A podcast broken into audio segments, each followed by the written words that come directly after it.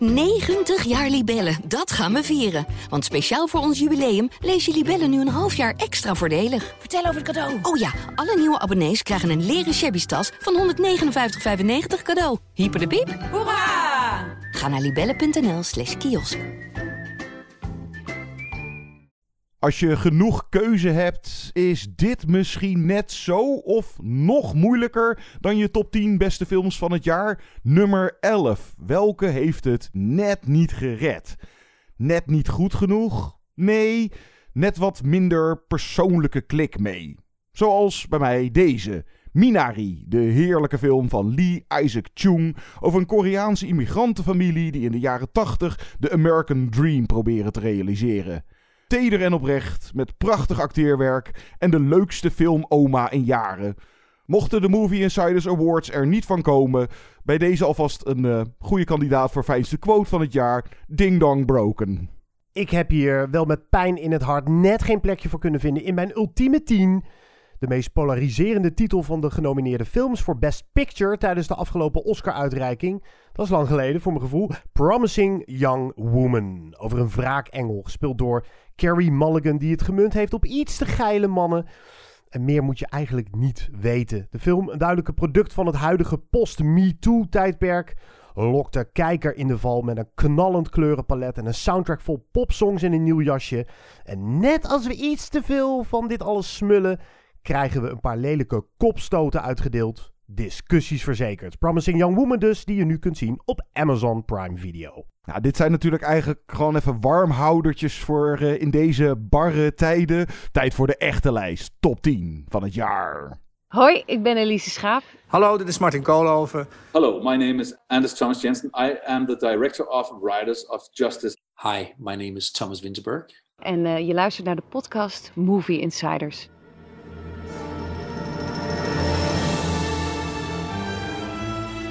Good evening, ladies and gentlemen. We are tonight's entertainment. Movie Insiders. They're here. Why should I waste my time listening? Because I have a right to be. I have a voice. Groovy. Hey Guido en John, Koen hier. Ik moet beginnen met mijn excuses aan te bieden, want jullie en de luisteraars hadden nog een filmmuziek special over Harry Potter te goed. Daar kregen jullie geloof ik zelfs nog een e-mail over. Die komt volgend jaar, net als een aantal nieuwe filmmuziek specials. Maar dit jaar lukte het me helaas niet meer. Jullie vroegen mij ook om deze podcast af te trappen en mijn top 3 van dit jaar te delen. Ik heb dit jaar minder gezien dan ik wilde. Maar er waren drie films die er voor mij uitsprongen. In willekeurige volgorde nummer 2 en 3 The Father, met een prachtig ontroerende hoofdrol voor Anthony Hopkins. En De Hoek van Thomas Vinterberg met een geweldige Mats Mikkelsen. Maar mijn nummer 1 is The Power of the Dog van Jane Campion. Dat is zo'n film die je de rest van je leven met je mee zult dragen. En ik gok dat die nog uitgebreid besproken gaat worden in deze podcast. Ik wens jullie allemaal heel veel goeds voor 2022. Natuurlijk ook voor jullie luisteraars. En wij zien elkaar volgend jaar weer terug achter de microfoon. Ciao.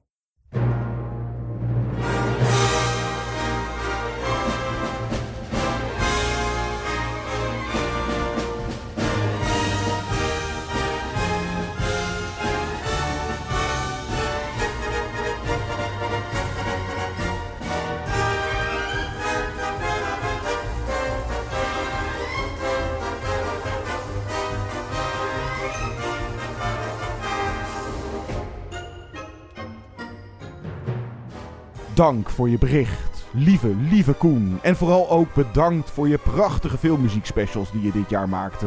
Hallo allemaal, leuk dat je luistert naar deze eindejaarspodcast van Movie Insiders. De filmpodcast die je kan beluisteren via Spotify, Apple Podcasts. Je kan met ons twitteren, at Movie Inside. Vind ons op Facebook, like en deel ons daar. Mijn naam is John. En mijn naam is Guido. Je kan ons altijd een e-mail sturen movieinsiderspodcast.gmail.com. Dit is voorlopig de laatste aflevering van Movie Insiders. Om na een maand, misschien twee maanden, weer glorieus terug te keren. Maar daarover vertellen we later in deze show wat meer. Allereerst, uh, John, hoe was je kerst? Uh, Geen idee. Eh, ik kreeg een hele rare Back to the Future eh, situatie. Dan moet ik nu eerst eh, vooruit in de tijd, kerst meemaken. Om dan vervolgens weer terug te reizen in de tijd. En dan kan ik het... hey, ben je in de tussentijd al vader geworden? Nee, nog steeds niet, Ah, man. oké. Ja, maar misschien wel als je dit luistert. ja, snappen jullie hem? We nemen op voor kerst. Juist. Duh. Wat gaan we doen? Nou ja, eh, het mogen duidelijk zijn. Onze top 10 beste films van het jaar. Dat doen we nu voor de veertiende keer, John. Ja, dus top 10 beste films van filmjaar 2021 of corona 2.0. Gaan we vanaf nu eh, zo tellen. En we doen ook een jee of nee old school. Yay! We staan ook even stil bij de slechtste films van het jaar. Ach, leuk voor de afwisseling. Ach ja. En we spelen een quizje om de boel gewoon een beetje leuk aan te kleden. Wat mooie muziek tussendoor. Tuurlijk, zeker. Ja, maar vooral dus, ja, de nummers. 10 tot en met 1. You know, I just I just feel I just feel like women they they have minds and they have souls as well as just hearts and they've got ambition and they've got talent as well as just beauty and I'm so sick of people saying that that love is just all a woman is fit for. I'm so sick of it. But I'm I'm so lonely. Je hoorde een clipje van mijn nummer 1 van vorig jaar. Dat was Little Women. De nieuwe versie van Greta Gerwig. Ach, een zalige, zalige film. Ik heb hem ook op mijn lijst gezet voor het AD met alternatieve kersttips. Dit is eigenlijk een van de weinige films van de laatste 10 jaar zo'n beetje... waarvan ik denk, ja, die zou in potentie kunnen uitgroeien tot een nieuwe kerstklassieker. Heb je met kerst weer gekeken? Nu snap ik er echt geen rek meer van. Eh, het was net niet mijn. We hadden bijna vorig jaar weer een gedeelde nummer 1. Dat hebben we één keer meegemaakt met Inside Out. Maar ik heb toen vorig jaar de zeer indrukwekkende, aangrijpende documentaire voor Sama had ik op één staan. En die heb ik nog steeds niet gezien. Nou, schande. Ik weet het, ik weet het. Ga lekker eh, met de kerst kijken. Oké, nu houden we erover op.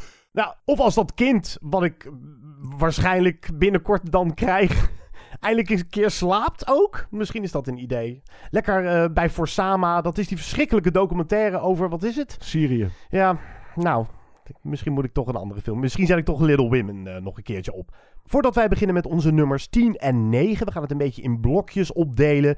Misschien goed om nog één keer even korte spelregels uit te leggen. Wat mag wel en wat mag niet. We kregen een appje binnen van een goede vriend van de show, Meindert. Die zei, in mijn lijst komt The Sound of Metal te staan. Die nu te zien is op Amazon Prime Video. Naar mijn weten was dat een film die vorig jaar uitkwam. Ja, of toch? in ieder geval eind vorig jaar kwam die op Amazon uit. En hij draaide begin vorig jaar, dat was nog net voor de pandemie. Jeetje, wat klinkt dat lang geleden. draaide die op het eh, International Film Festival Rotterdam. Dus nou, eh, in onze belevenis was dat een titel van vorig jaar. En of die nou wel of niet dan dit jaar nog een officiële bioscooprelease heeft gekregen, eh, staat open voor discussie. Maar wij nemen er niet mee. Dus het zijn films die dit jaar of half jaar in de bioscoop een release hebben gekregen.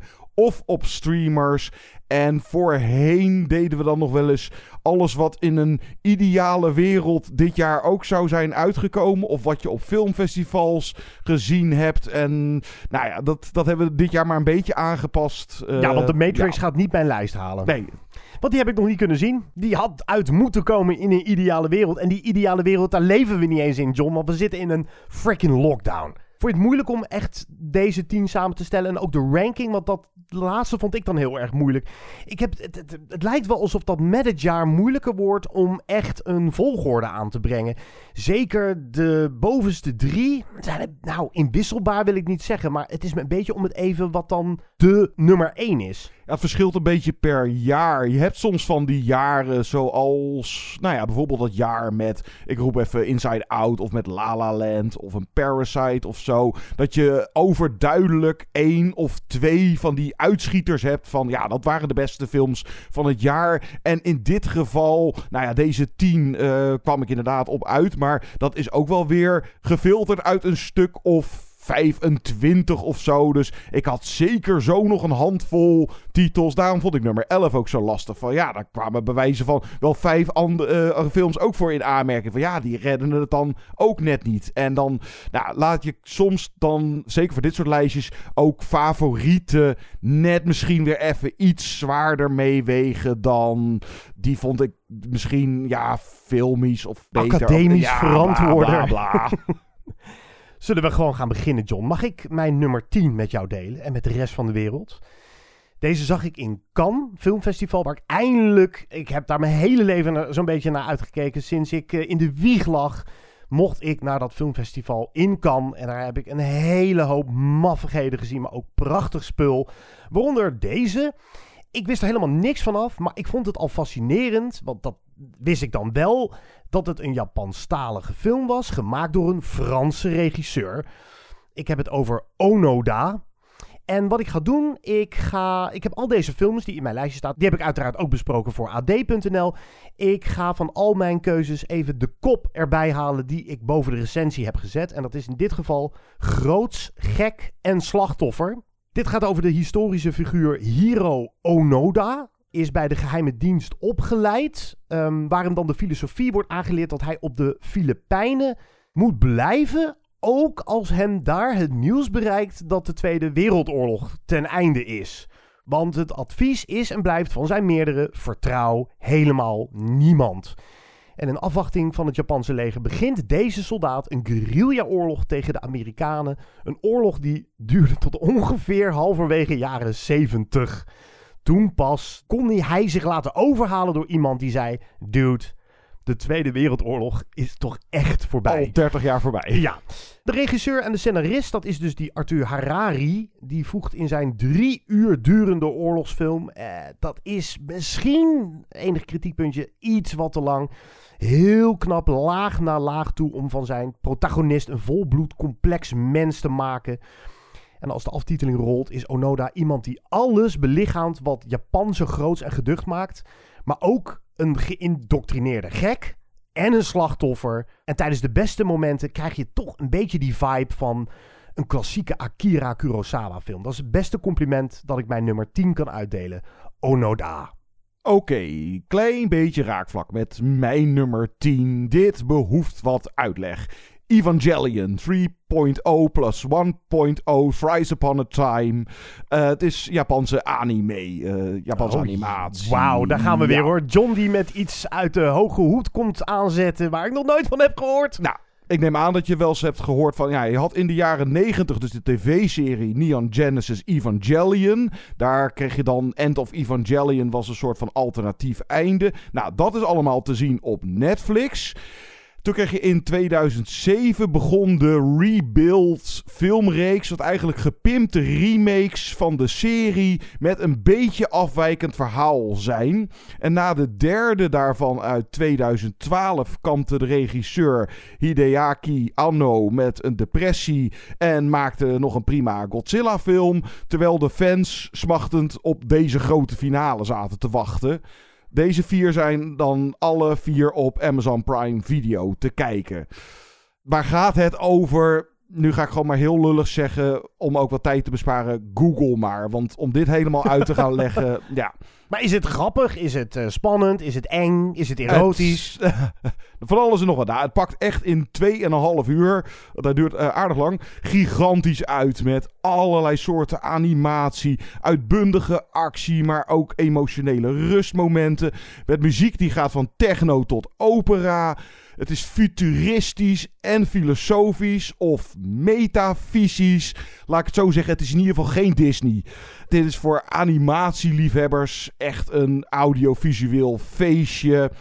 En wel zo'n gevalletje van je moet wel de rest gezien hebben.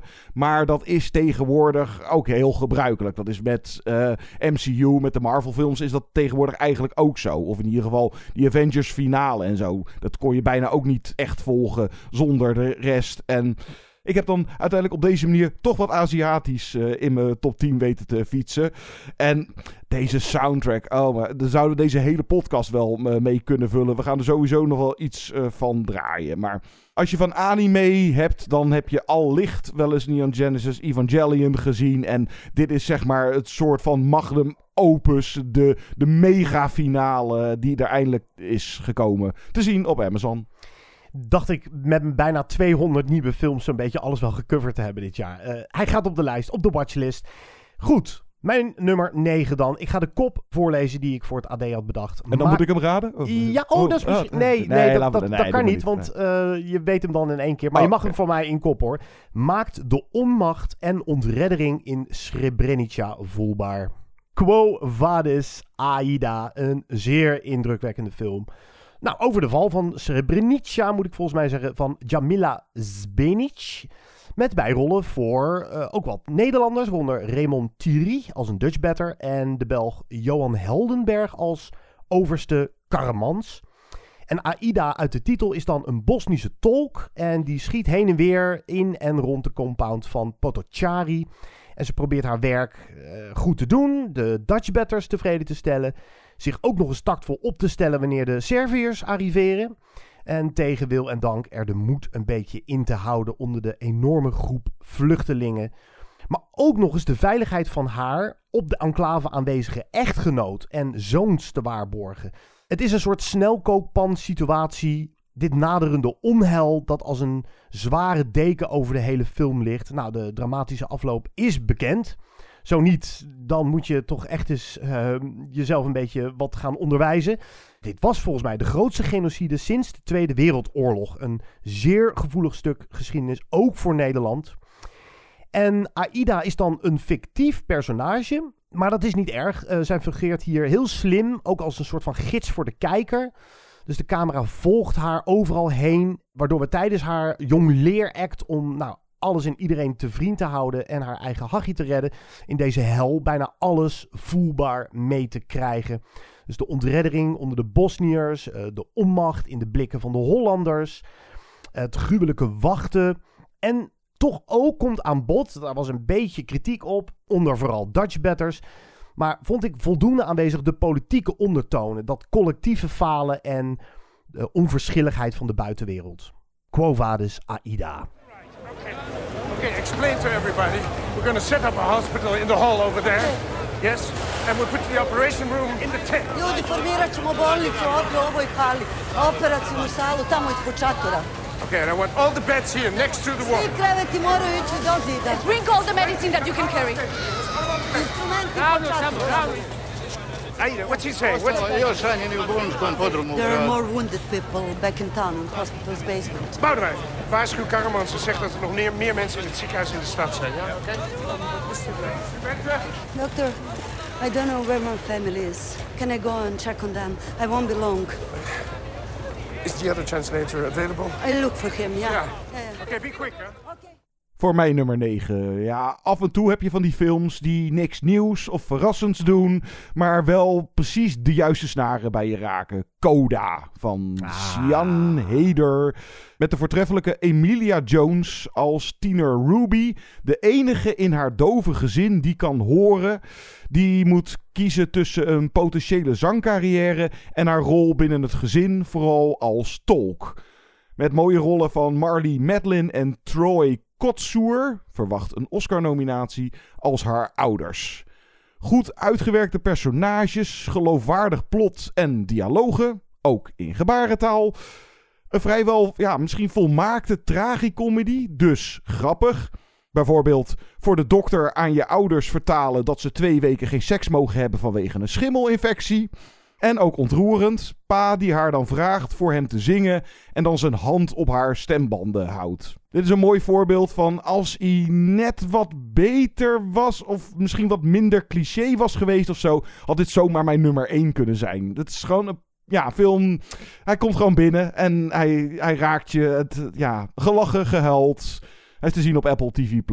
CODA, ofwel Child of Deaf Adults. Ja, je moet wel heel erg cynisch zijn geworden door de hele corona shit om hier niet van te smullen, toch? Ja, misschien dat hij daarom ook zo binnenkwam. Ja, dat ja, ja. Zo'n jaar en dan zo'n eh, film als dit, die even als een soort van ja, warme deken over je heen. Oh, even, ja, heerlijk. Coda. Re- remember the little dog, big dog exercise? Okay, little dog. Do it! Come on! Push, push, push. Medium dog.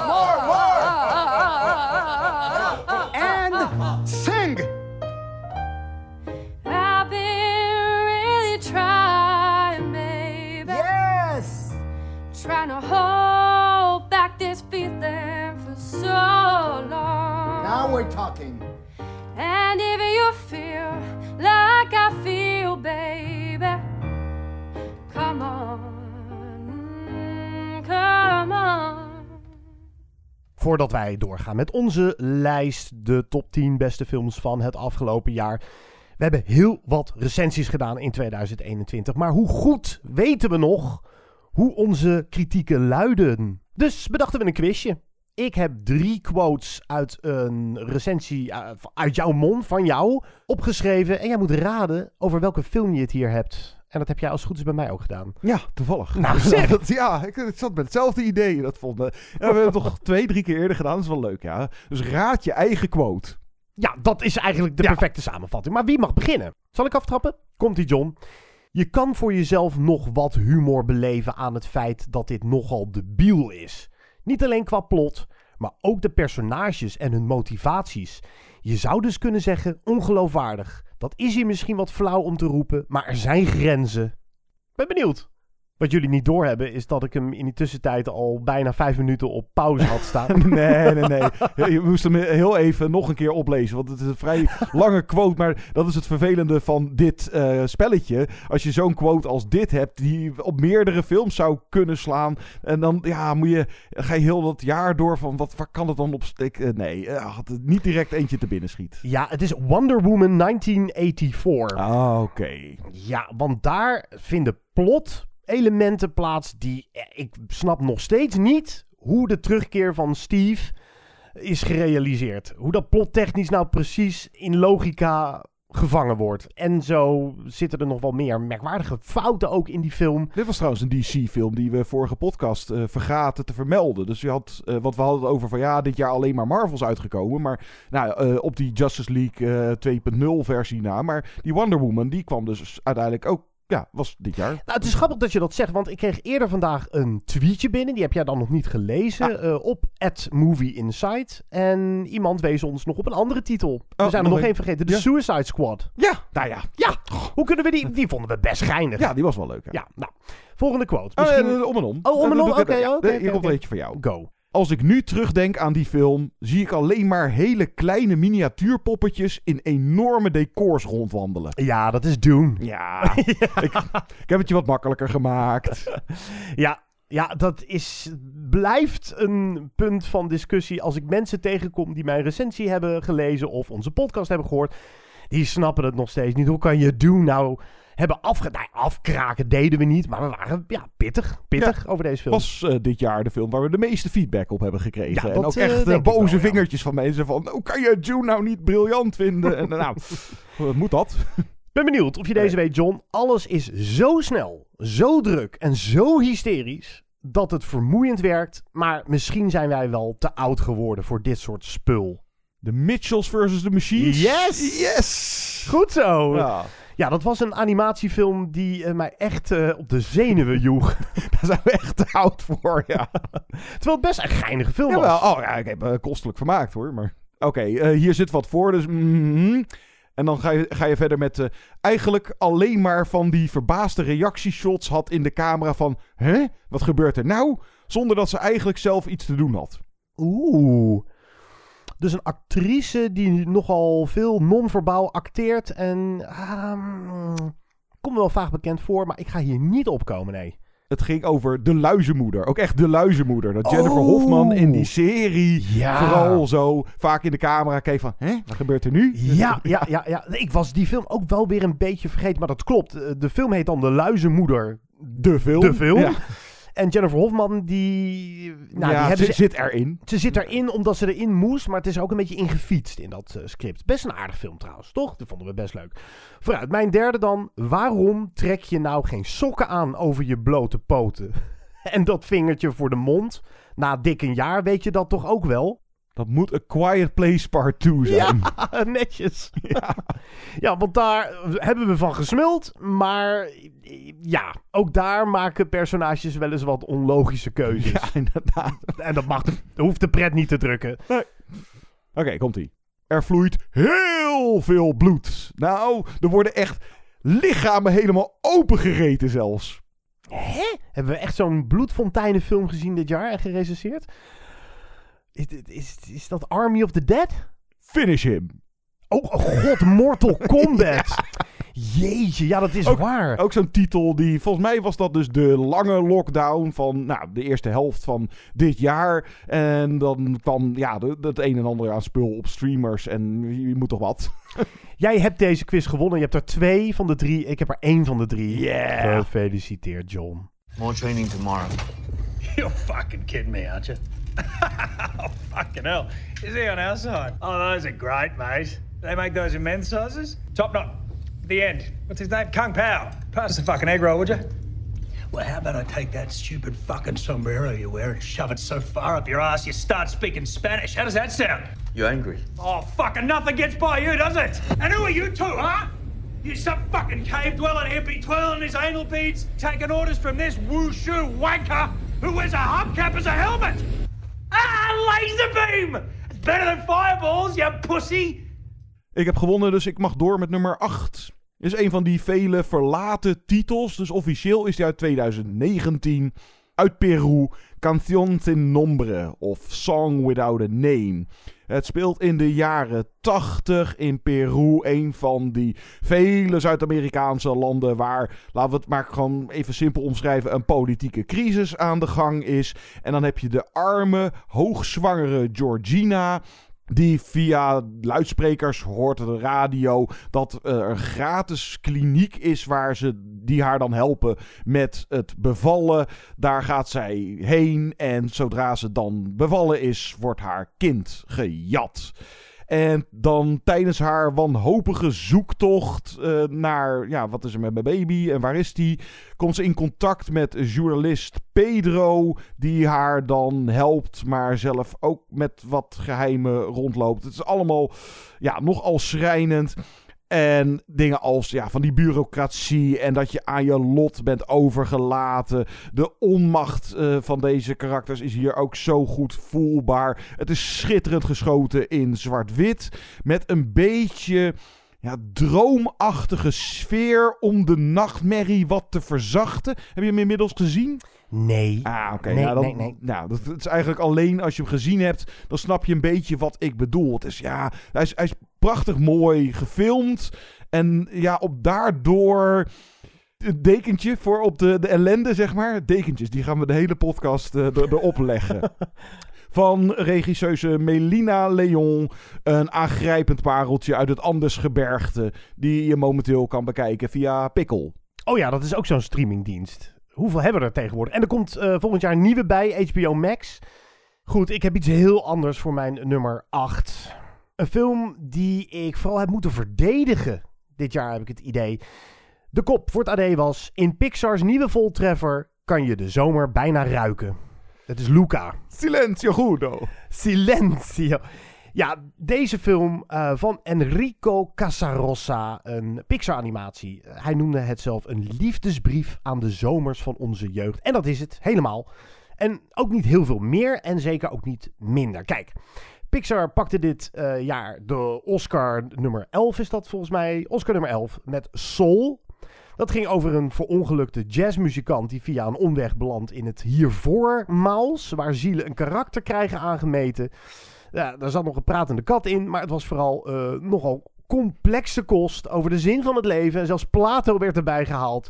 Met Luca doet Pixar echt weer een flinke stap terug in, nou, vooral pretenties. En dat vond ik er juist zo lekker aan. Titelpersonage is een zeemonster dat zijn uh, vissenlijf verliest zodra hij aan land komt. Uh, zijn ouders waarschuwen hem, die bovenwereld. Ga er niet heen, niet te vertrouwen. Blijf alsjeblieft onder water. Maar zodra deze tiener aan wal soortgenoot Alberto ontmoet, die nog veel eigenwijzer is, trekt Luca zich nog weinig aan van die boodschap. En dan vermomd als mensen komen ze terecht in dat Italiaanse vissersdorpje Porto Rosso.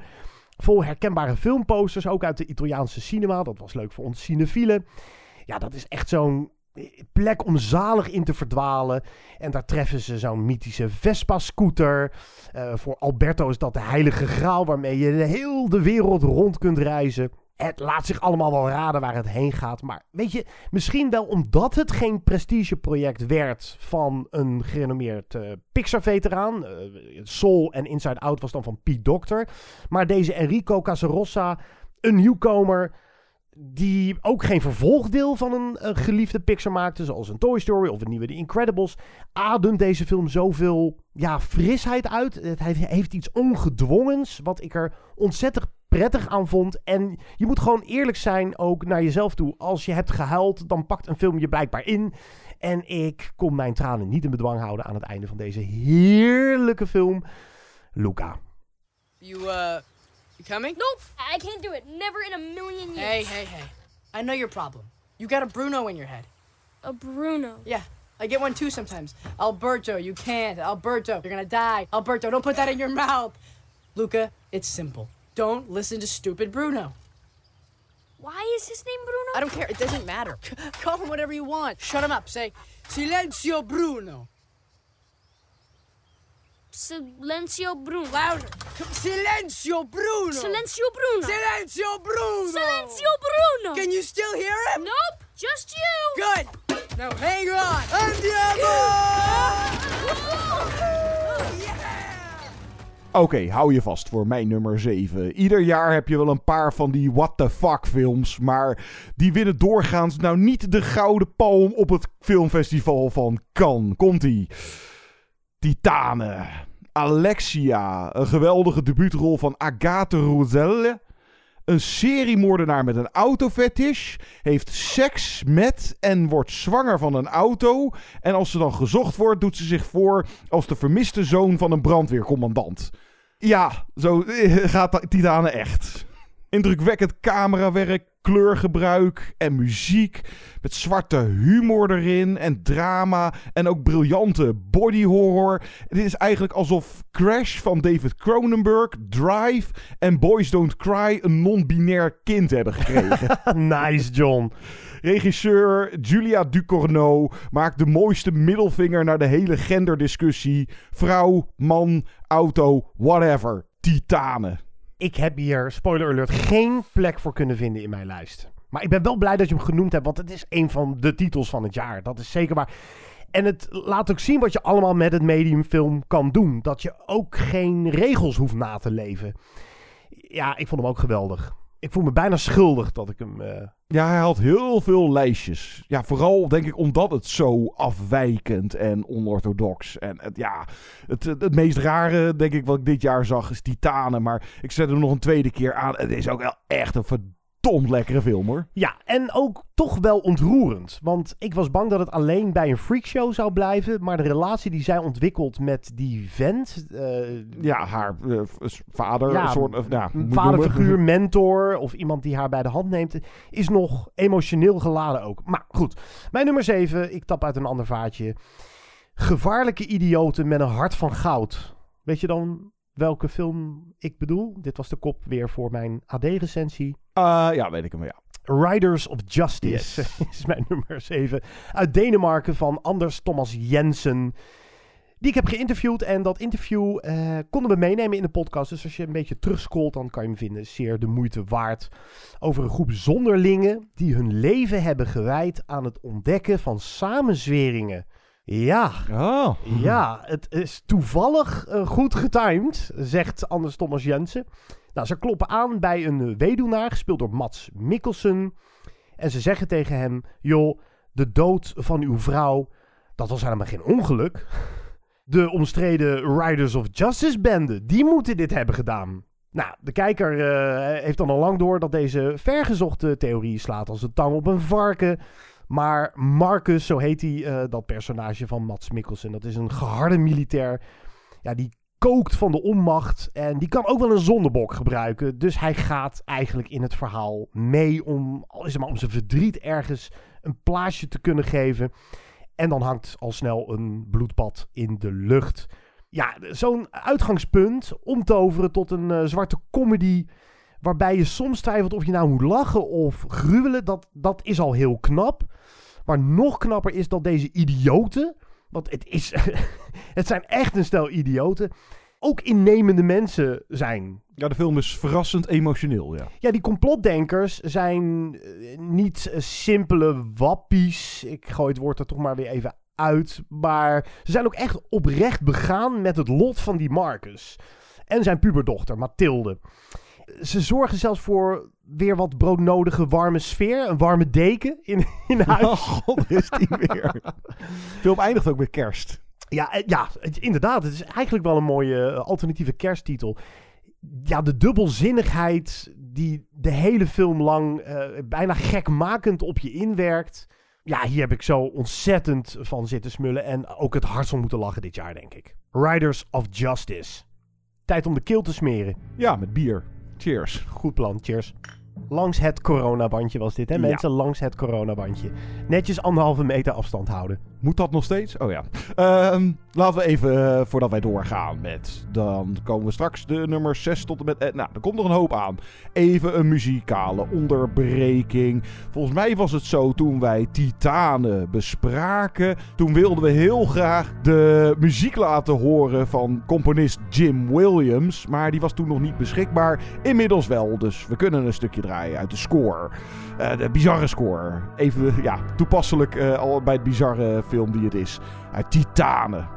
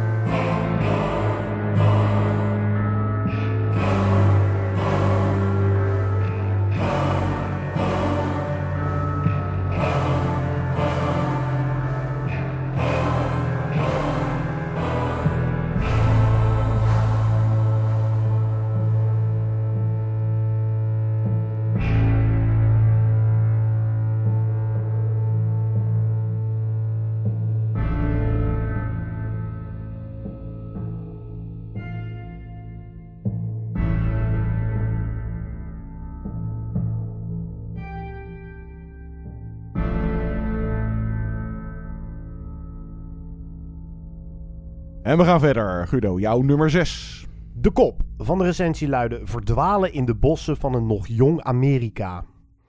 First Cow. Ah ja. Ja, Kelly Reichardt heet de regisseur. En die beheerst de kunst van het weglaten tot in de puntjes. Dat leidde in het verleden wel eens tot frustrerende films waar ik ook niet zo heel veel mee kon. Maar dit is de eerste keer dat ik echt een klik maakte met haar werk. First Cow. Minimalistisch, eh, er zit geen woord, geen daad of geen uitroepteken te veel in deze film. Maar je krijgt als kijker dus ook nooit het idee dat iemand een route voor je uitstippelt.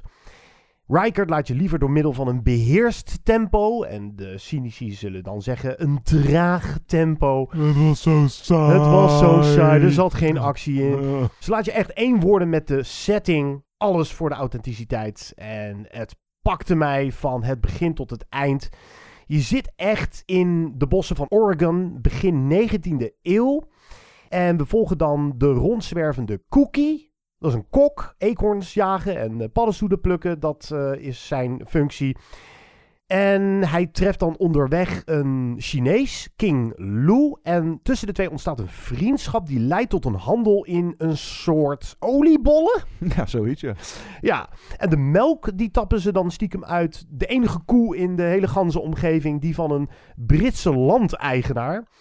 Nou, First Cow gaat volgens mij heel mooi over het ontstaan van ondernemerschap in een nog uh, ongerept Amerika en over hoe kapitalisme onvermijdelijk altijd misschien wel om de hoek komt kijken. En dat heeft iets heel mooi tragisch, want je sluit deze mensen in je hart en de enige manier waarop ze kunnen overleven is zich toch schuldig maken aan een vorm van commercie. Dit is zo'n film waarin uh, een, een vluchtpoging even belangrijk is als het plukken van wat bessen.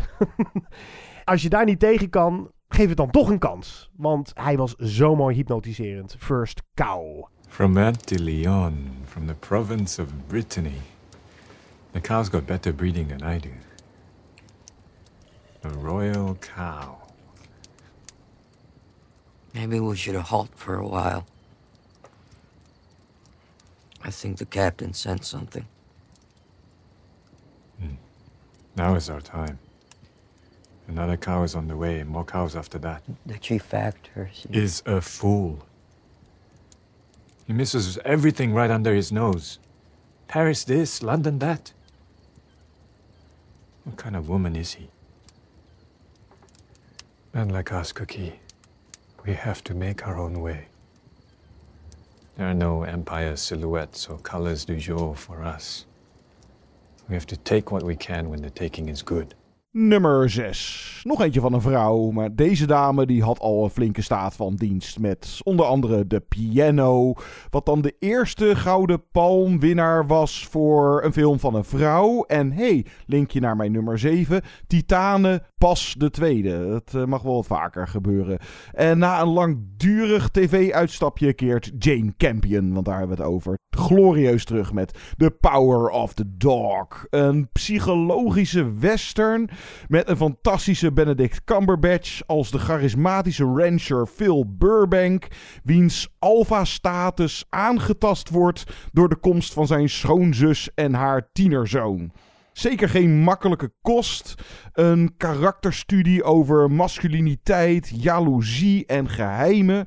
Met een broeierige, dreigende, maar ook ongrijpbare sfeer en dito muziek van Johnny Greenwood, een van de componisten van dit jaar. Hij deed ook Spencer, uh, die film over Prinses Diana met Kristen Stewart. Maar er zit ook veel verborgen symboliek in, waarvoor je wellicht meerdere kijkbeurten nodig hebt. Let bijvoorbeeld op de konijntjes, roofdier en prooi. Het zijn van die dingen die ik echt pas de tweede keer goed uit de film haalde. En deze gaat onder je huiden zitten. ja, The Power of the Dog. Het is oh, geen toegankelijke, makkelijke. Hij kijkt op zich. Nou, je, je kan het er, dat idee had ik er wel bij, allemaal niet zo uithalen. En nog steeds gewoon een mooie, uh, voortkabbelende western zien. Met wat ja, moeilijke verhoudingen onderling. Maar deze is pas echt interessant zodra je wat meer gaat verdiepen in nou, deze complexe karakters. The Power of the Dog. John, hoe langer ik nadenk over Steven Spielberg's versie van West Side Story, hoe beter ik hem vind. En hoe meer ik tot de conclusie kom dat hij beter is dan het origineel. En toch ga ik voor In the Heights. Ah, Oké. Twist! Uh. Ik heb dit, de, de verrukkelijke In the Heights is de beste musical sinds La La Land. Schreef ik gewoon snoeihard boven mijn recensie. Af en toe moet je een beetje de quote hoer uithangen. Nou, ik ga toch echt wel voor eh, West Side Story. Nee, ik ga echt voor In the Heights. Ja, die zou ik veel sneller nog een tweede keer aanzetten. Eh, Ook de enige film trouwens die ik twee keer zag in de bioscoop. Omdat ik dat opgetilde plezier weer wilde beleven. En het doet eigenlijk alles goed. De muziek is bruisend van Lin-Manuel Miranda. Dat is ook een van de mannen van dit jaar. Hij eh, heeft ook een regiedebuut gemaakt. Heel aardig. Tick Tick Boom met Andrew Garfield. Hij deed ook de muziek voor Encanto. Nou ja, hij is de musicalgod van dit moment. Maar ook de acteerprestaties. Ik heb eindelijk weer eens een blik acteurs opengetrokken zien worden. van wie ik direct bij gaan houden. Waaronder Anthony Ramos, de hoofdrolspeler. Ik zeg een Star is Born. En het gaat over nou ja, de inwoners van de New Yorkse buurt Washington Heights. Waar de Latino-cultuur wordt verjaagd door. Hoe noemen we dat ook weer met een mooi woord? Gentrificatie. Ja, ja. het zijn de prijsstijgingen in de huizenmarkt. waardoor ze nou eigenlijk moeten opzouten. Hij heet Oesnavi. Hoe die aan die naam komt, dat is alleen al een hele leuke grap in de film. Hij is de eigenaar van een bodega. eh, en hij beleeft een soort omgekeerde Amerikaanse droom. Want hij verlangt naar een leven in de Dominicaanse Republiek. Waar zijn roots liggen. En dan is er nog een meisje, een jeugdvriendin. Eh, nou ja, het, het, is, het is meer dan alleen lekkere choreografie en gave dansnummers. Deze eh, nummers zitten sowieso ernstig in mijn kop. Ik heb het hele jaar lang nummers uit In the Heights zitten eh neurien en zitten zingen tijdens het koken. Tot twee weken terug. Sindsdien zitten die West Side Story Ja. nummers in je kop. Dat, dat is zeker, zeker waar. Maar het is ook eh, vooral de regie hoor, van John M. Chu. Hij deed Crazy Rich Asians en hij deed een aantal van die step-up films. Ja, dat kan hij ook niet helpen. Nee, dat, dat kan hij zeker niet helpen. Jongen, dit bruist zo zalig. En ik heb een traantje gelaten en ik zou hem weer aanzetten. En toen de bioscopen weer open gingen na een lockdown. Inmiddels zitten we weer terug in die lockdown. Maar dat was voor mij de perfecte film om dat mee te vieren. Eh, Zo'n pretpakket waarbij je het gevoel hebt dat de makers het, het wiel van de cinema bijna opnieuw uitvinden. Gewoon entertainment met een griffel. Maar wat is dan jouw nummer 5? hey, een Nederlands tintje. En hey, onze eerste gelijke Covadis Aida. Hey, leuk. Ja, nou, het is een co-productie van de Bosnische Jasmila Zbanic over de val van Srebrenica. Een sterke rol van Jasna Duricic als Aida, die als tolk in het Dutch bedkamp midden in de gruwelijke gebeurtenissen zit. En zij is een schakel tussen de soldaten en haar volk. En heeft redelijk door wat er gaande is, wat er eh, gebeurt. En ook weer die frustratie van ja, de onmacht, eh, die hele situatie. En dat zij dan omschakelt naar survival modus. Want ja, dan het volk, dat gaat niet meer lukken. Dan maar proberen inderdaad mijn eigen familie nog te redden. En de focus hier, ja, het is niet zozeer op de genocide zelf, maar vooral op hoe dit kon gebeuren. Eh, het is zeker een zware zit, maar weer geen ellende porno zoals wij dat... Ja, die term hebben we lang niet gebruikt. We hebben een ander soort porno eh, dit jaar, maar oké. Maar het is ook niet... Wat voor soort porno dan? Dat is nog nostalgieporno. Oh ja. Ja, eh, maar het is ook niet zozeer een, echt een kwade film of zo. En dat is het, het bijzondere aan Covades Aida is dat het geeft de slachtoffers, de daders en de toeschouwers, ofwel de Dutchbatters, een menselijk gezicht. Ja, het is absoluut aangrijpend natuurlijk. Maar vooral dat je ook naar deze situatie zit te kijken en je alleen maar kan afvragen van ja, wat kan je doen tegen zulk kwaad of tegen zulke onmacht? Covades Aida. Staff only allowed here. They cannot be here. Serbian soldiers are inside the base. What? Franken led them in. I need to hide them. My husband went to negotiate with Mladic. But uh, civilians are not permitted to be here. Just for a short while. They can stay in that room. This is the Office of Military Observers. It's not a place for civilians. But Serbs are inside the base fully armed. You won't know they're here. They'll be in no one's way. Please, Peter. Ja, en dan is het tijd voor een rubriek waar we het hele jaar mee hebben geworsteld. Wat moeten we daar nou mee? Moeten we het laten varen? Moeten we het weer in ere herstellen? Moeten we het een andere vorm geven? Ik heb het over jee of nee. Deze podcast voor de nieuwkomers bestaat dus al 14 jaar. Nou, we hebben het niet de volle 14 jaar gedaan, maar ja, we, willen af en toe ook een beetje vernieuwen. het kwam dan toch weer terug en toen gingen we eh één of twee stellingen erin gooien en daar echt uitgebreid op in. Maar dit wordt, jee of nee, old school, een stelling of een keuzevraag. Het is jee of nee en that's it. Hé, lekker. Het voelt vertrouwd. Ja, leuk muziekje eronder. Komt ie hoor. Old school, jee of nee? De bioscopen zijn weer eens dicht. Ondanks dat daar nog altijd geen besmettingen hebben plaatsgevonden. Die sluiting is dus onterecht. Jee. Nee. Benedetta of Cruella? Cruella. Cruella. Dat wij niet zo enthousiast waren over Dune, komt misschien toch vooral door het toenemende cynisme in coronatijd. Nee. Nee. Als criticus waren de bioscoopsluitingen vaak frustrerend, maar als kijker kwam ik ze wel prima door eigenlijk. Nee. Jee. James Bond is in de films met Daniel Craig te veel een softie geworden. Nee. Nee. Ik was dit jaar cynischer dan gebruikelijk. Nee. Jee.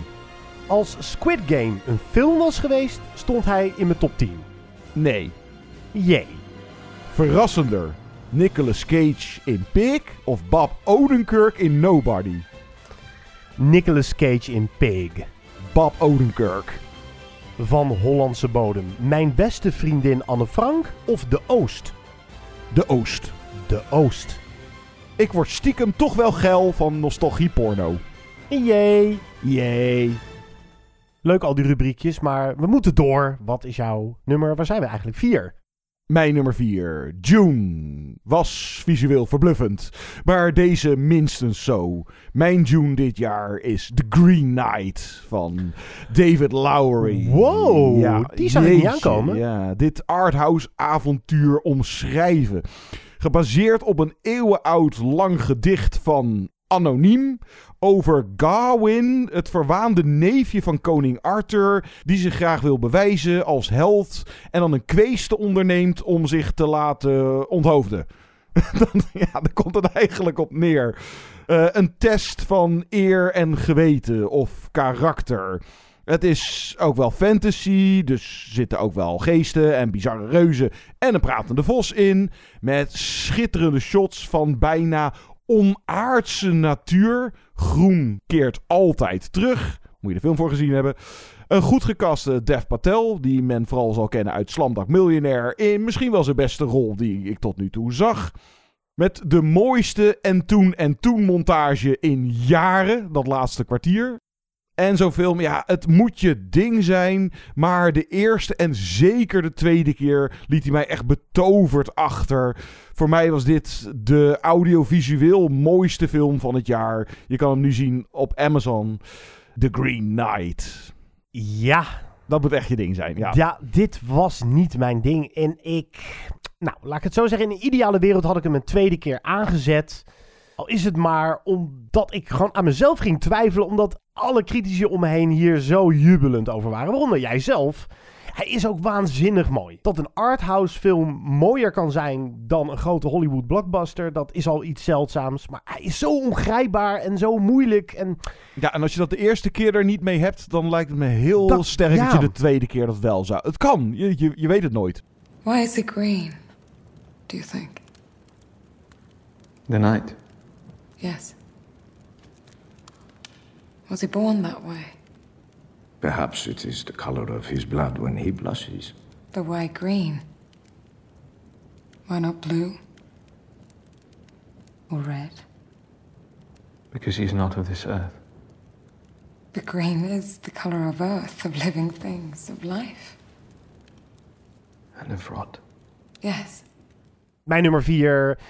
De kop luidde even simpele als magische fabel. Het is een Franse film. Het is Le Petit Maman. Zonder le, gewoon Petit Maman. Is het Petit Maman? Ja. Je had ook nog Petit Vier dit jaar. Ja. Dat, ja die eh, de docu, die was ook mooi. Nou, de ironie, ik ga ook Dune erbij halen, want het was namelijk in dezelfde week kwam die film uit. Dus ja, Dune, het peperdure, eh, eh, bombastische science fiction epos. En toen kwam Céline Sciamma, de Franse regisseur die wij vooral kennen als eh, filmliefhebbers van Portrait de la jeune fille en feu. Wat een waanzinnige mooie film is dat. Met ook een, nou niet ook, maar een tijdreisfilm. Die in de lockdown werd opgenomen. Zonder special effects of decors. Waar alle personages eh, alleen maar in verzuipen. Zoals mijn quoteje luidde. Ehm, en voor een prikkie gemaakt. Nou, driemaal raden welke film mij dan het meest emotioneel raakte. Het duurt ook geloof ik maar een uur en tien minuten. Ja, oh, dit is zo'n mooie film. Het gaat over de achtjarige Nelly. Die heeft eh, zojuist afscheid moeten nemen van haar grootmoeder. En helpt haar ouders met het opruimen van oma's appartement. En dan in het bos rondom oma's huis treft ze een meisje die er precies zo uitziet als zij. En dat blijkt dan de jonge versie van haar moeder te zijn. Nou, zowel de meisjes als de film eh, die doen daar helemaal niet moeilijk over die vreemde ontmoeting. Eh, ze accepteren het gewoon. En de eerste keer dan praten ze wat. De volgende dag eh, blijven ze bij elkaar logeren. En dan gaan ze pannenkoeken bakken. En de truc is natuurlijk, de ontmoeting brengt hen letterlijk en figuurlijk op gelijke hoogte. Het gaat over de behoefte om elkaar, ondanks of juist vanwege de generatieverschillen, te willen begrijpen. Over hoe de band tussen een ouder en een kind niet te vangen is met woorden.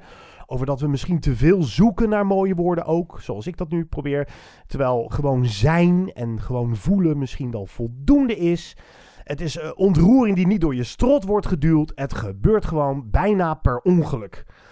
Ik beëindigde mijn recensie met een nagenoeg perfecte film. Petit Maman zonder le. Ja, dat was een uh, apart geval dit jaar. Want ik zag hem de eerste keer tijdens mijn dienst in het filmhuis. En ik had even geen koffie op. En zelfs al duurt hij maar een uur en tien minuten. Het is niet het soort filmpje als je een beetje moe bent. En dan moet je jezelf proberen wakker te houden. Maar ik heb hem een tweede keer aangezet. En het is inderdaad een soort van klein wondertje is dit. Het is een wondertje. Is echt, ja. Ja, ja, ja, ja. Oh, ik ben echt dol op deze film. Je kan je er geen bel over vallen vanwege de speelduur. Dus je moet hem gewoon aanzetten voor mij. Hij heeft het bij mij dan net niet gered hoor. Maar... Want mijn nummer drie is het Mexicaanse Sinseñas Particulares of Identifying Features van Fernanda Valades. Hey, de zesde film van een vrouw. De dames hebben gewonnen. Niet dat er een competitie gaande is of zo, maar het geeft maar wel weer even aan dat de dames op de regiestoelen dit jaar uh, goed vertegenwoordigd zijn. Magdalena ontmoet tijdens de zoektocht naar haar vermiste zoon de net uit Amerika gedeporteerde Miguel. En samen reizen ze door de desolate, onheilspellende en door milities geteisterde grenssteek. Weer een film over de machteloosheid, frustrerende bureaucratie en verlies. Deze wordt heel mooi, steeds kunstzinniger. Hij begint redelijk down to earth, maar eindigt als een bijna Tarkovsky-achtige nachtmerrie. Schrijnend en zeker niet makkelijk, maar met prachtige cinematografie en dito acteerprestaties. En ja, daar waar het kwaad of de duivel heerst, is het kill or be killed. Voor mensen die uh, dan lopen te mekkeren over immigranten, kijk deze film en snap eens waarom. Sinseñas Particulares. Mooie keuze, John. Mijn nummer drie is The Father. Alzheimer-drama met Anthony Hopkins. Je gaat van mama naar vader. Ja, ja. ja. nou, inderdaad zeg. Uh, Alzheimer-drama met Anthony Hopkins gaat door merg en been. Goh, ik mag wel wat... wat ik kan wel mooiere be beter hè? koppen. Ja, ja, maar het is het AD. Het moet, ik word vaak ook gewezen op... Het moet wel... moet zeggen waar het op staat. Dus oké, okay, dan hou ik me daar aan. Uh, hoe divers Anthony Hopkins cv ook is... Als je aan hem denkt, dat heb ik althans, dan denk je aan een autoriteit. Iemand bij wie je stil bent als hij zijn mond open doet en een plechtige monoloog afsteekt. En hier in The Father is hij één en al kwetsbaarheid. Het is bijna moeilijk om naar te kijken. Zo broos is die. Nou, dat is de acteerprestatie, terecht de Oscar voor Anthony Hopkins. Maar het is ook de film zelf. Het script en de visuele vertelling. Over dementie werden uh, meer films gemaakt. Denk aan bijvoorbeeld Still Alice met Julia Moore. Away From Her met uh, Julie Christie was erg mooi. Maar niet eerder werd de kijker ook echt meegenomen in het brein van iemand die wat hij ziet en hoort niet meer kan vertrouwen. Iemand met Alzheimer. En dat wordt gelukkig nooit een trucje. En dat is koorddansen op hoog niveau. Dus wij, de kijker, raken ook steeds meer uh, onze grip op de plaats en uh, tijd kwijt. En ook een beetje op de film zelf. Als je het heel oneerbiedig wil zeggen, is dit uh, de Requiem for a Dream van het Alzheimer-genre. je krijgt steeds meer dat opgesloten gevoel, omdat ook de geografie van het appartement waar Anthony in woont verandert. Ook dat brengt jou verder in verwarring en in de staat eh, eh, waar hij zich in verkeert. Het gaat altijd over Anthony Hopkins bij de vader, maar ik wil ook nog even Olivia Colman genoemd hebben, die een geweldige bijrol heeft. Zij speelt zijn dochter en haar onmacht gaat ook door merg en been. hey, onmacht. Onmacht is ook zo'n mooi woord. Ik heb het woord te deken trouwens nog niet gebruikt. Oh, maar die kan ik, kan ik die nog mooi toepassen? Nou, de- deze film zet je echt aan het denken. Eh, moet zij bijvoorbeeld ondanks haar verhuisplannen, want ze wil gaan emigreren, bij haar vader blijven, omdat hij in deze situatie zit? En in hoeverre is dat dan je ethische plicht als mens? De vader was eigenlijk voor mij gewoon, nou ja, alsof ik een horrorfilm zat te kijken die zo onder je huid gaat zitten. Ik ben benieuwd of die nog in jouw lijst voorbij komt, John. 96k. Go. We zijn aardig op weg. We hebben er, oh ja, nog ieder twee nog te gaan. En laten we gewoon nog even de slechtste films van het jaar. eh, dat hebben we dan ook maar even genoemd. Eh, even kort, wat, even, even lekker een beetje vrolijk muziekje. In the Heights bijvoorbeeld. Eh, Ja. Niet een heel nummer, maar gewoon even een. eh, Ja, bij nummer 5 in the Heights. Eh, het nummer 96.000. Ah, ik wil de film weer zien, John.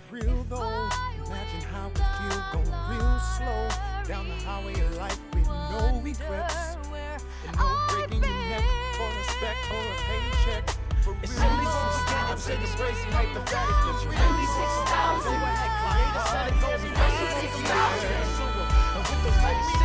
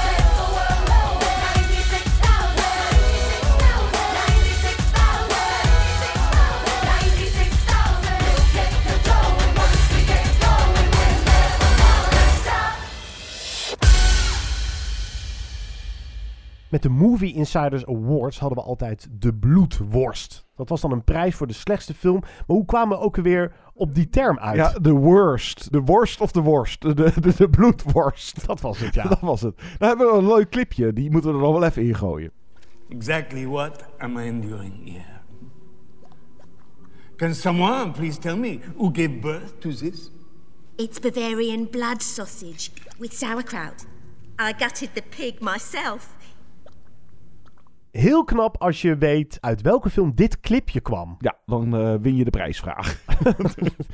Wie eh begint? Nou ja, ik heb een hoop Derry gezien. Dat komt ook omdat ik Jij sinds... moet. Ja, ik ben sinds 1 januari dit jaar ehm, de vaste filmrecensent van het AD. En dan moet je ook gewoon alles zien. Of alles zien.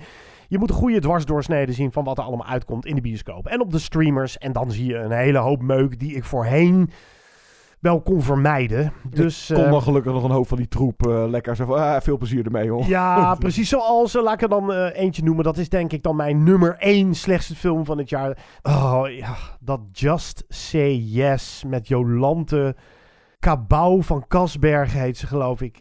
Nou, dat, deze film, deze romcom is gemaakt door mensen bij wie de tijd echt 30 jaar is blijven stilstaan.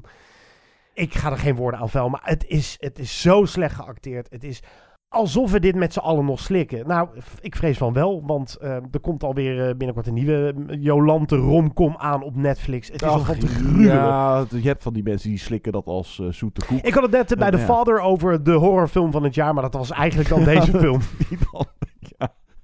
Nou, ja, op zich was het, eh, als we het toch heel kort nog even over het jaar... eh, We hadden een eh, goed Nederlands filmjaar. Oh, Ja, zeker. De veroordeling bijvoorbeeld. Het, het zal mijn top 10 niet halen, maar de veroordeling was goed. En Slag om de Schelde was ook een puiken oorlogsfilm. En zo hadden we er nog wel een handje vol. Maar nee, ik heb geen slechtste Nederlandse... Nee, het, ja, ik heb sowieso niet... Ja, dus weinig troep gezien.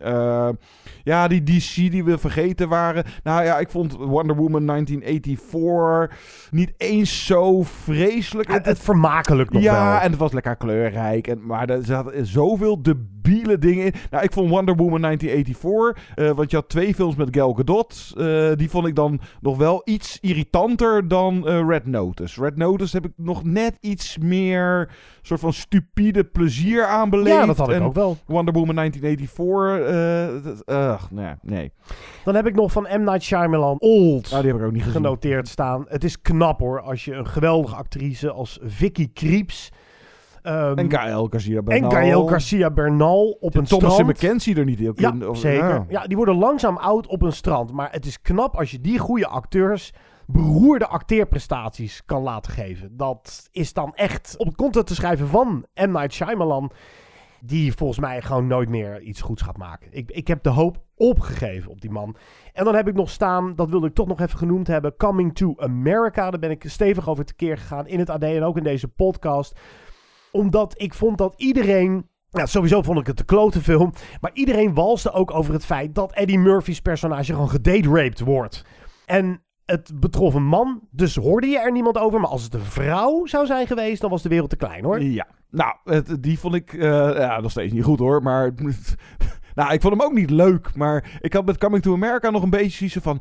Nou, zo rampzalig. Eh, ik had het veel erger verwacht. En daardoor, nou, dat kan er soms ook nog wel in je insteek zijn. Ik had nog een paar van die films die dan, ja, vooral heel serieus bedoeld waren. Of, de, nou, The Little Things. Want je had het net over, hoe Oh, krijg je ja. het voor elkaar om... Nou, in het geval van The Little Things, drie Oscar-winnende acteurs. Denzel Washington, Jared Leto en eh, Rami Malek. Niet dat ze slecht waren en niet dat die film nou vreselijk was of zo. Maar het was meer gewoon zo'n... Ja, alsof het weggelopen was uit de jaren negentig. En dan misschien eh, van de titels eh, die ik dan zag. Allerergste, dat was toch wel The Woman in the Window. Oh ja. Die met eh, Amy Adams, die dan pleinvrees heeft. Dat En moest een Hitchcock-ode zijn. Zoiets. Ja, inderdaad, dat vond ik echt helemaal niks. Eh, Er is ook een film die was niet eens slecht, maar daar heb ik gewoon als een zombie naar zitten kijken, omdat het gewoon zo nietserig was.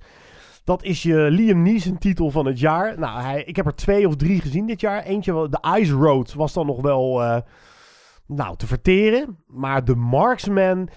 Ik, op Letterbox hou ik alles bij wat ik dan heb gezien. En dan komt dat postertje voorbij. En ik weet gewoon echt niet meer waar die film over gaat.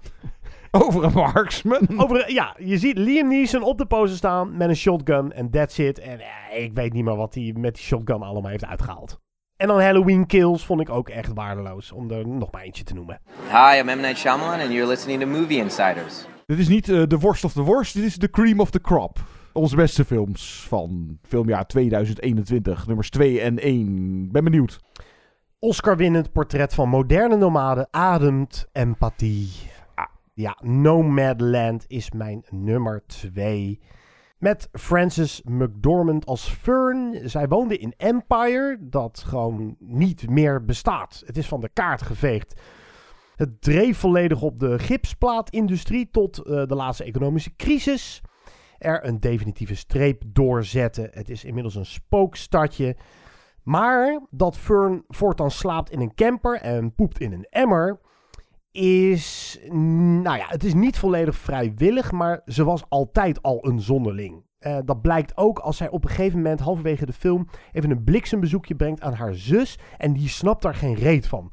Die vindt het zelfs een beetje egoïstisch van Fern tegenover de familie. Ze zegt: Je kan toch hier gewoon wonen? Maar haar puurheid is toch iets om van te houden. Waar je toch begrip en respect voor krijgt in deze film. Dat maakt haar niet minder complex. En dat mag ze blijven. De hele film lang. Van regisseur Chloe Zhao. Die eerder het schitterende The Rider maakte. Maar ook dit jaar verantwoordelijk was Helaas. voor Marvel's The Eternals. Die in McDormand een actrice zag die ook moeiteloos zomaar kon opgaan tussen de echte moderne nomaden. Die ze tijdens haar research eh, vond en die wij hier zien. Dus die spelen min of meer zichzelf. En dat geeft de film iets ongekend realistisch. Nu moet je niet denken, mocht je hem nog niet hebben gezien, dat Nomadland een activistische hippiefilm is of zo.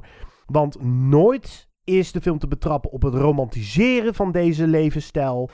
Uh, Chloe Zhao observeert en ze volgt als een bijna een toevallige passant die de camera onzichtbaar laat meedraaien. En het voelt bijna ter plekke geïmproviseerd zo nu en dan. Ja, wat ik uh, in mijn recensie schreef was: er is geen oordeel, slechts empathie. Een film die het hele jaar lang door resoneerde en terecht die Oscar won voor Best Picture.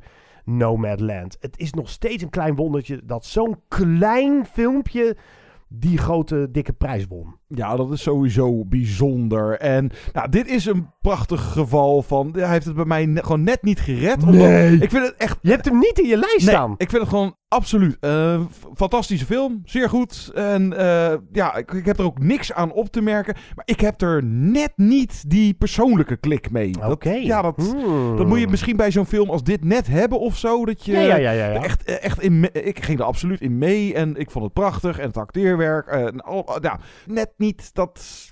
Dat beetje de, extra Ja, dat zo. beetje extra. Nou, dat had ik wel, ja. Bo never knew his parents and we never had kids. If I didn't stay, if I left, it would be like he never existed.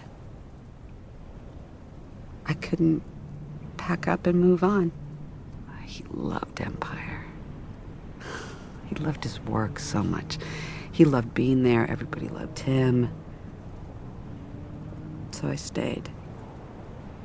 Same town, same house.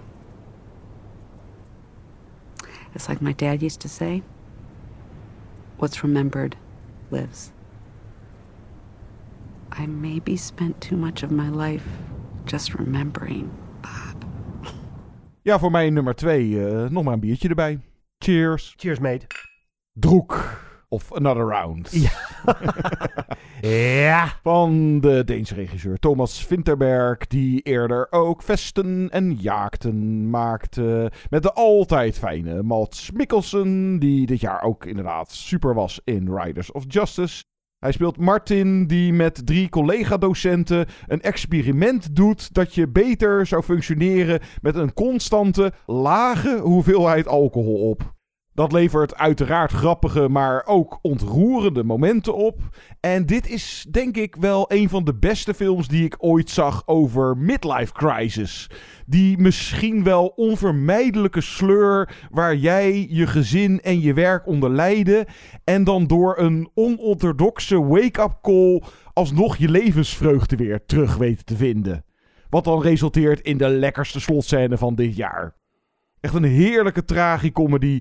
Die uh, mogelijk misschien wel aan het denken zet. Uh, ik neem er nog eentje. Cheers. Droek. Dat zou dan echt mijn nummer 12 zijn geweest. Ik vond hem echt heerlijk, maar misschien net een tikkeltje te conventioneel om hem echt helemaal te omarmen of zo. Het is, Kijk, ik vond het ook lastig kiezen. Nou ja, niet dat het moest. Want je had net zo goed beide films met Mats Mikkelsen in je top 10 kunnen zetten. Dus en Riders of Justice, waar ik ook enorm van genoten heb. Maar ja, deze raakte me ook echt. Deze raakte mij bijvoorbeeld meer uh, persoonlijk dan uh, een Nomadland dat deed of zo. Hm. Ja, dat kan je hebben. Ja, ik ben dus echt, uh, wat Denemarken betreft, voor een, uh, niet voor Another Round gegaan, maar voor Riders of Justice. Dat was dan net aan mijn favoriet van de twee. Mijn nummer 1. Meesterlijke studie naar giftige mannelijkheid. Het is ja. The Power of the Dog. Ja, de nieuwe film van Jane Campion. En ik denk serieus dat dit haar beste film is sinds de piano. Het is die de... beter dan de piano? Ja, Oeh, ja. dat is ook een goede. Die, die moet ik ook gewoon weer eens herzien. Deze film deed me in eerste plaats vooral aan herinneren waarom de western zo'n mooi genre is. Die wijdse landschappen, het simpele leven, hoe we langzaam voortbewegen naar een nieuwe wereld, een nieuwe tijd en dat primitieve.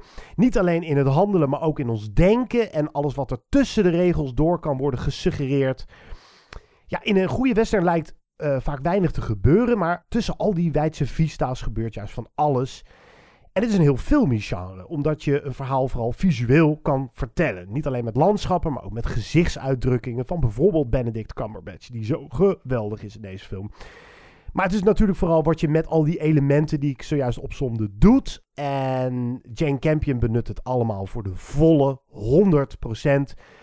Dit is geen gesneden koek. Het is ook een moeilijke film. Waar je zelf als kijker mee aan de haal moet. Nou, je zei het al, eh, centraal staat dan de Alpha Cowboy Phil. Nou, met stip op één de beste acteerprestatie van Benedict Cumberbatch... die in de jaren 20 van de vorige eeuw in Montana maar weinig hoeft te doen... om iedereen zijn adem te laten inhouden als hij alleen al langsloopt.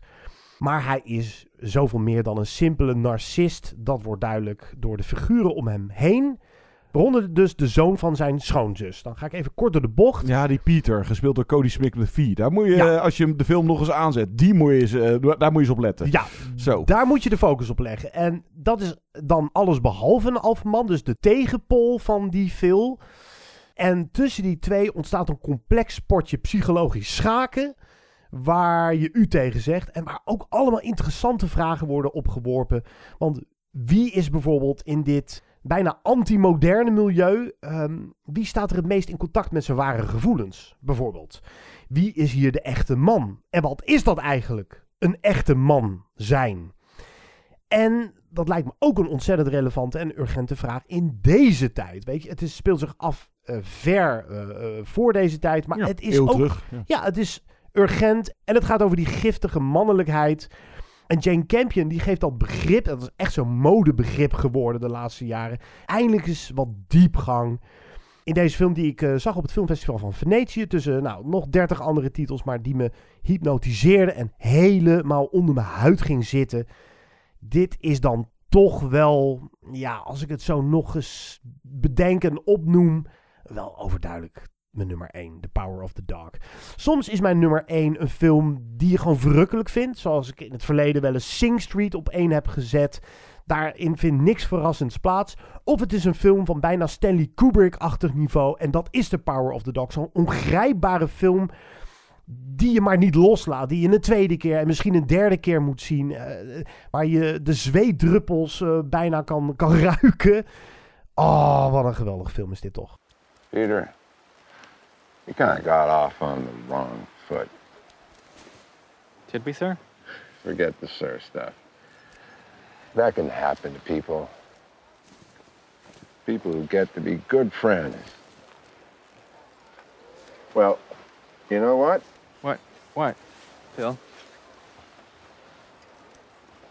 Now, you see, you did it. You called me Phil. I'm going to finish this rope and give it to you and teach you how to use it. It's sort of a lonesome place out here, Pete, unless you get in the swing of things. Thank you. Phil?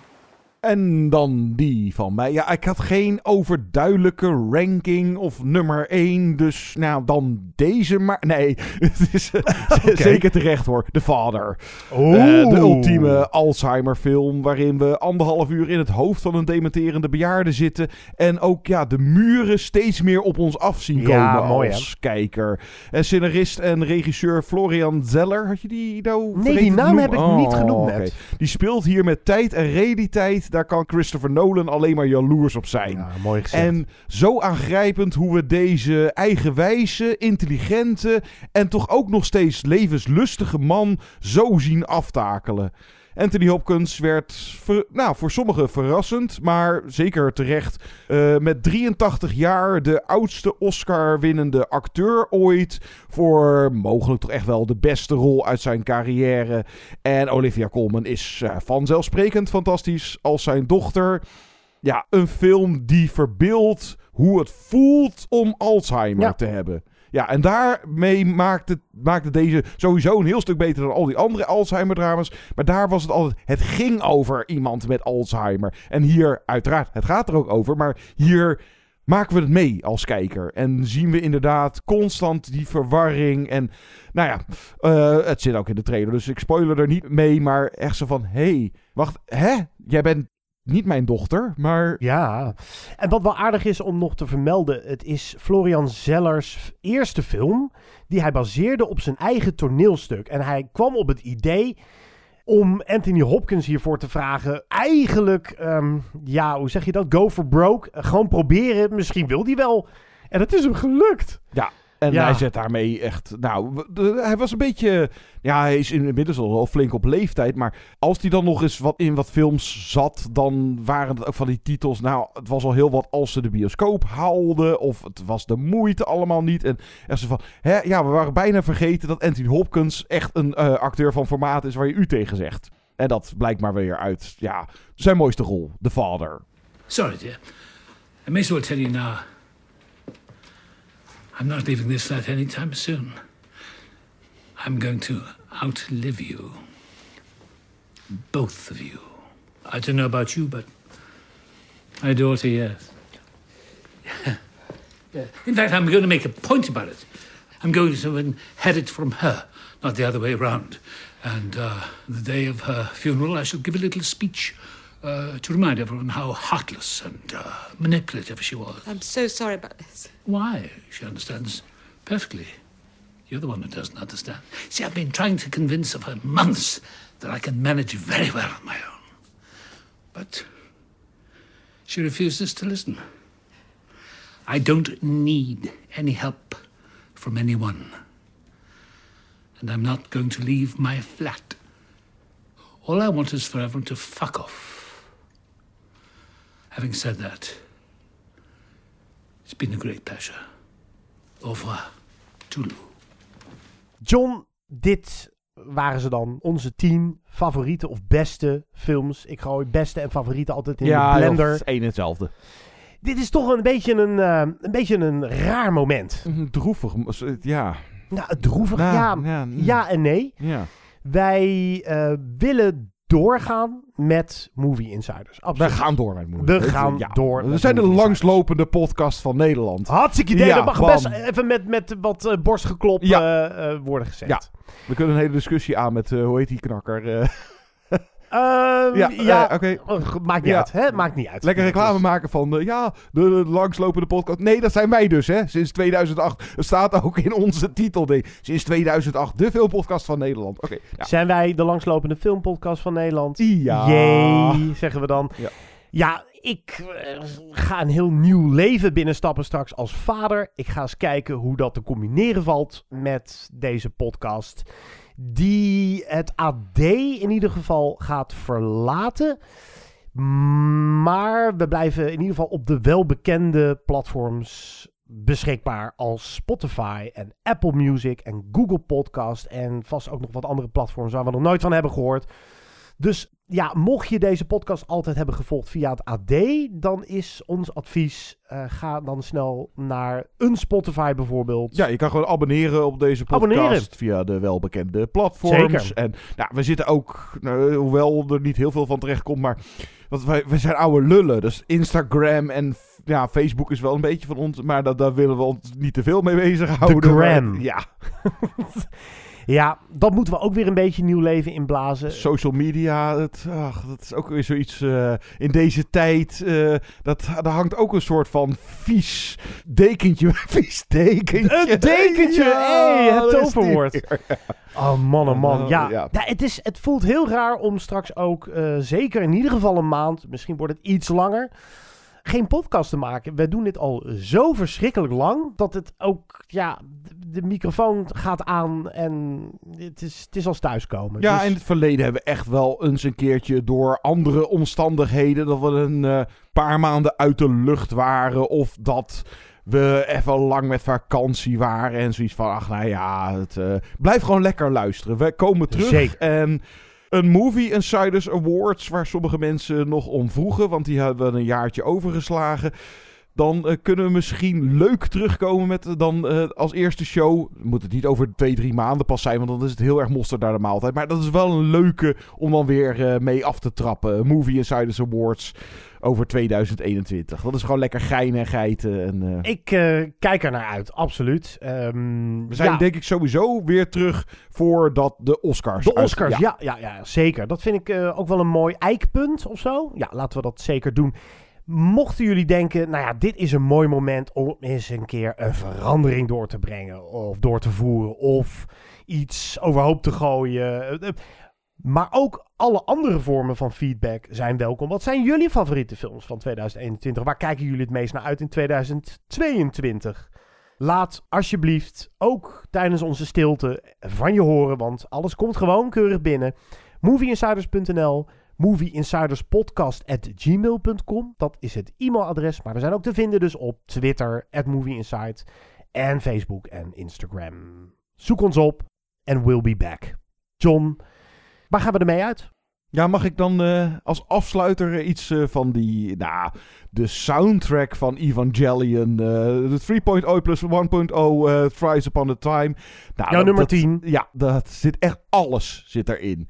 Ook zelfs met, nou, weet ik veel, Spaanse gitaar en dan is het weer techno. Dan gaat het weer zwaar met opera-achtige en heel veel van die eh, muziek, dan, dat herken je omdat het dan weer inderdaad, nou dan is het weer een ode aan Michel Legrand, zo'n Franse componist. Maar ja, dit is eh, mooi en een soort van toepasselijk. Dit is ook echt zo'n beetje finale-achtig nummer. Eh, de track heet dan What If We Just Hadn't Said Goodbye.